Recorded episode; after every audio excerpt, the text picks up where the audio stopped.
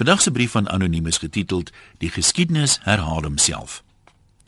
Toe die nuus breek dat Nelson Mandela oorlede is, was ek een van die wat opgesien het na die oorvloed huldeblyke wat noodwendig sou volg. 'n Mens kan mos enige iets oordoen. Baie Christene sal waarskynlik nie eers kans sien vir 10 dae se godsdienstige programme nie. Laat staan nog ter ere van iemand wat op 'n stadium deur baie Afrikaners as 'n vyand beskou is. Ongelukkig is dit ook waar baie Afrikaners vasgesteek het by Nelson Mandela die terroris. Al het die staatse magte net so baie selferkende dade van terreur gepleeg. My eie dogter, volgende maand 12, het my anders laat dink dat sy op TV sien hoe mense van alle kulture hulde aan Madiba bring.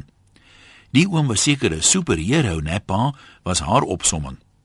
Toe besef ek hoe gebrekkig my eie kennis van ons land se geskiedenis is. Ek weet die basiese dinge van Nelson Mandela af, maar besef ek regtig hoekom so baie mense hom beskou as die grootste leier wat Suid-Afrika nog opgelewer het. Hy is die enigste mens waarvan ek weet oor wie daar sonder uitsondering met lof gepraat word deur almal wat ooit met hom te doen gehad het. Dit herinner nogal aan 'n superheld.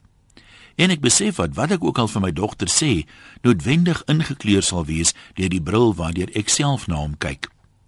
Toe begin luister ek vir 'n slag regtig wat die mense in hulle huldeblyke sê. Maar belangriker nog, ek begin luister wat Madiba self gesê het. Dit is tog die oorspronklike bron. En dankie daarvoor RSG. Uit eie geleedere het hy teenstand ervaar oor sy uitreiking na Afrikaners.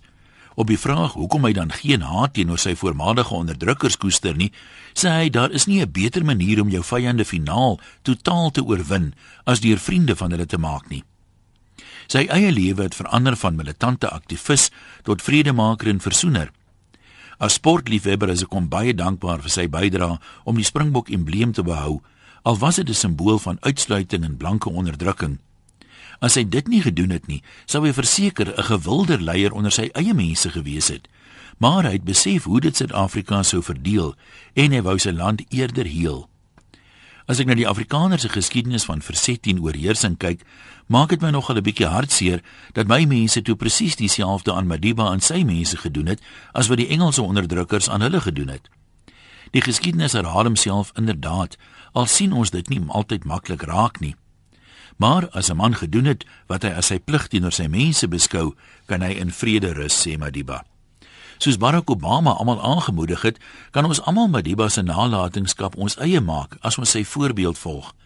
Dr. D.F. Malan, die eerste NP eerste minister het gesê: "Neem uit die verlede dit wat goed is en bou die toekoms daarop."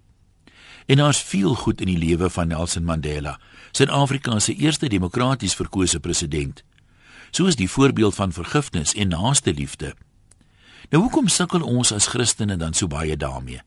Ons hoor die boodskap tog elke Sondag in die kerk. Dalk moet ons 'n bietjie selfondersoek doen en weer 'n slag met aandag daarna luister. A saint is just a sinner who keeps on trying, so sê Madiba. 'n Superhero, al het hy voete van klei.